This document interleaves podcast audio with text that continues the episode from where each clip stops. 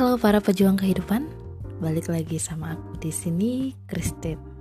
Nah, topik kali ini aku pengen kita bahas soal konsep diri. Udah pada tahu tentang konsep diri? Kayaknya udah sering denger dah, pasti. Kita udah sering denger ada orang bilang konsep diri yang positif, negatif. Nah, kita akan kutuntas, kupas tuntas saat. Nah, konsep diri sendiri kalau definisinya itu adalah pandangan atau persepsi dan perasaan tentang diri sendiri yang didapat dari refleksi dari lingkungan sekitar, dari penilaian orang lain. Jadi kita mempersepsikan diri kita sendiri yang kita dapat dari lingkungan kita, gitu. Misalnya, uh, persepsi ini bisa banyak hal ya bisa psikologi sosial fisik. Kalau aspek fisik misalnya kayak warna kulit. Nah ketika kita melihat orang lain kulitnya putih semua terus kita kita hitam sendiri maka kita persepsi bahwa oh kulit saya hitam. Kita menilai itu. Dan ketika kita menilai itu hitam itu baik atau buruk ya? Nah di situlah bicara soal konsep diri. Jadi kita bisa lihat konsep diri kita seperti apa. Nah boleh kita coba sekarang uh, cara uh, ilmu ini aku sampaikan supaya kita belum taruh. Sekarang kita ini konsep diri kita ada di mana ya? Apakah positif atau negatif? Karena konsep diri ada dua bentuk. Positif juga negatif. Oke nah bentuknya itu biasanya itu bicara soal body image gambaran tentang body kita secara fisik yang tadi atau ideal self. Ideal self itu kita bisa melihat bagaimana kita tahu sosok yang sempurna menurut kita.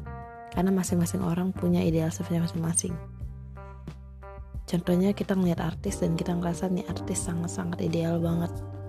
Dan artis yang kamu pilih belum tentu sama dengan apa yang aku pilih. Itu dia ideal self tadi.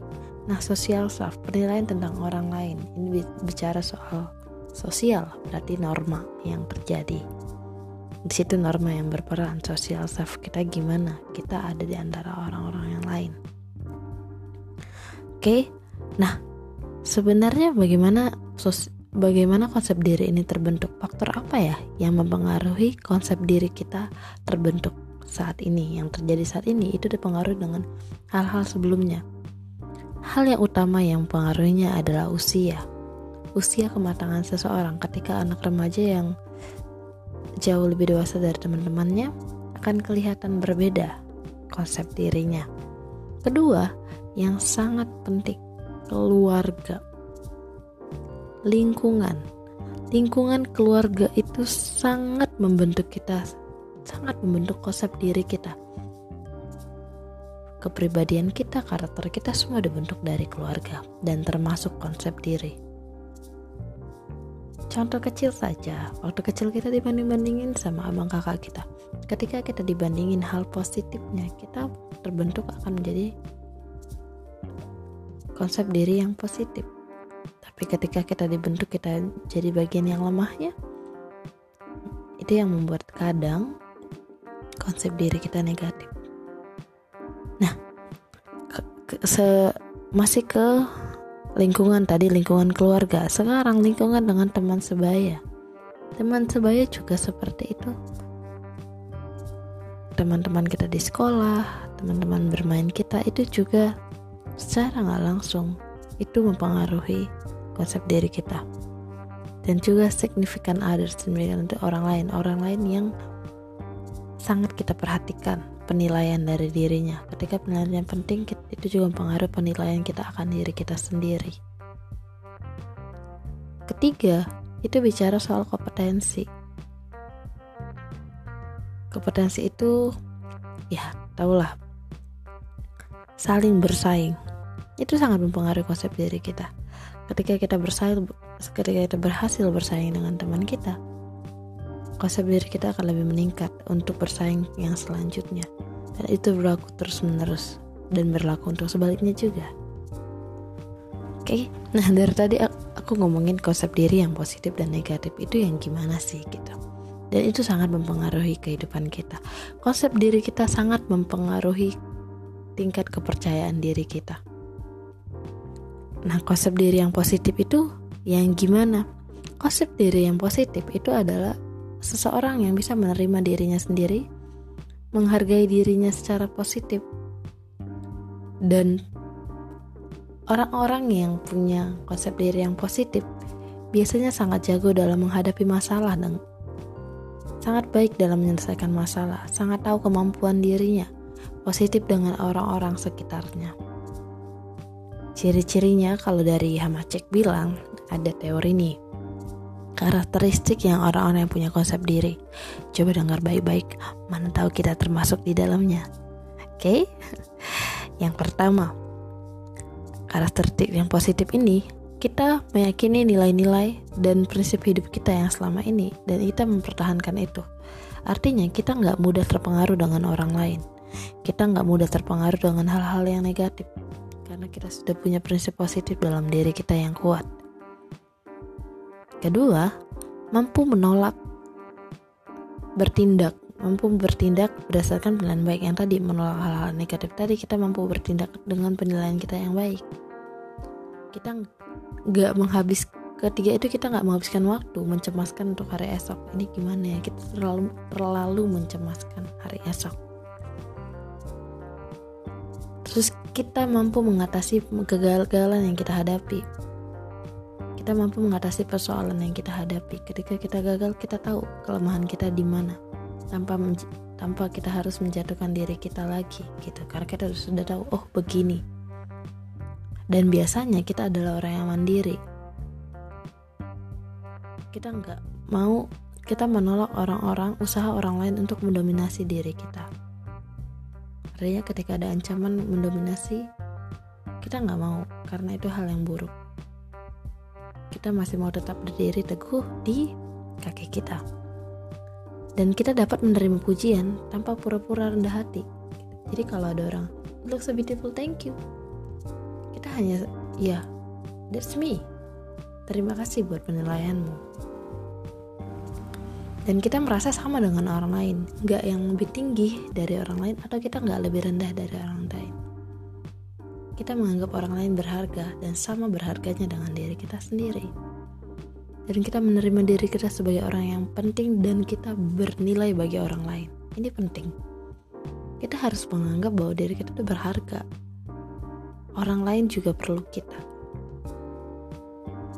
Itu ciri-ciri orang yang punya konsep diri positif. Keuntungannya yang tadi, kita mampu mengatasi masalah kita dengan baik dan kita bisa pekat terhadap kebutuhan orang lain. Jadi it's not about you, only you. Tapi ini bicara soal kita bisa pekat terhadap kebutuhan orang lain karena kita tahu kita enggak lebih tinggi dan lebih atau lebih rendah dari orang lain. Nah, kebalikannya, gimana dengan konsep diri yang negatif? Ciri-ciri orang yang konsep diri negatif adalah orang-orang yang mudah frustasi. Pesimis dengan kompetensi. Ketika ada kompetensi kita langsung kayak aduh udah pasti kalah nih aduh. Kita udah langsung mikir kayak gitu. Tanpa kita tahu kebutuhan kita keperluan kita atau kemampuan kita. Dan biasanya kita menghindari kepemimpinan. Artinya kalau ada sesuatu yang ini kita langsung menghindari takut untuk memimpin karena apa kita kita suka didominasi orang lain Kenapa kita suka? Karena kita suka pengakuan, terlalu suka pengakuan orang lain. Sehingga kita mudah terombang-ambingkan. Yang A bilang begini kita ikuti, yang B bilang seperti ini kita ikuti. Kenapa? Karena kita tidak punya pendirian kuat. Yang penting kita butuh diakui. Itu konsep diri yang negatif. Kita tidak punya prinsip hidup sendiri. Dan biasanya orang-orang yang punya konsep diri negatif kurang memiliki motivasi belajar. Sikap yang terlalu hiperkritis, selalu kritis terhadap orang lain, selalu negatif terhadap orang lain, meremehkan apa pun dan siapa pun, dan sulit mengungkapkan penghargaan bagi orang lain. Sulit bilang ketika orang lain bisa menjawab dengan baik, kita kayak, apaan sih, cuma gitu doang. Itu bahaya negatif dan bahayanya apa selanjutnya ketika kita punya konsep diri negatif tingkah laku kita itu diatur oleh konsep diri. Kalau negatif berarti kelihatan dari tingkah laku kita dan bahaya bagi kesehatan mental kita. Nah, sudah ada dua dua ciri-ciri konsep diri positif dan negatif. Bagaimana dengan kalian? Bagaimana dengan kamu? Apakah kamu termasuk konsep diri yang positif atau yang negatif? Nah, gimana sih caranya untuk meningkatkan konsep diri? Nah, ketika konsep diri itu sudah melekat dalam diri kita, mau itu yang positif atau negatif. Kalau yang positif, oke, okay, pertahankan dengan baik. Kalau yang negatif, jangan jangan pernah pertahankan sesuatu yang negatif dalam diri. Kita tentu mau sehat kan? Sehat fisik juga sehat mental. Maka dari itu, sekarang ketika kita tahu bahwa konsep diri kita saat ini sedang tidak baik atau hal yang negatif, bagaimana buatnya positif? Ya, kalau menurut beberapa pakar itu sulit, tapi bukan tidak bisa.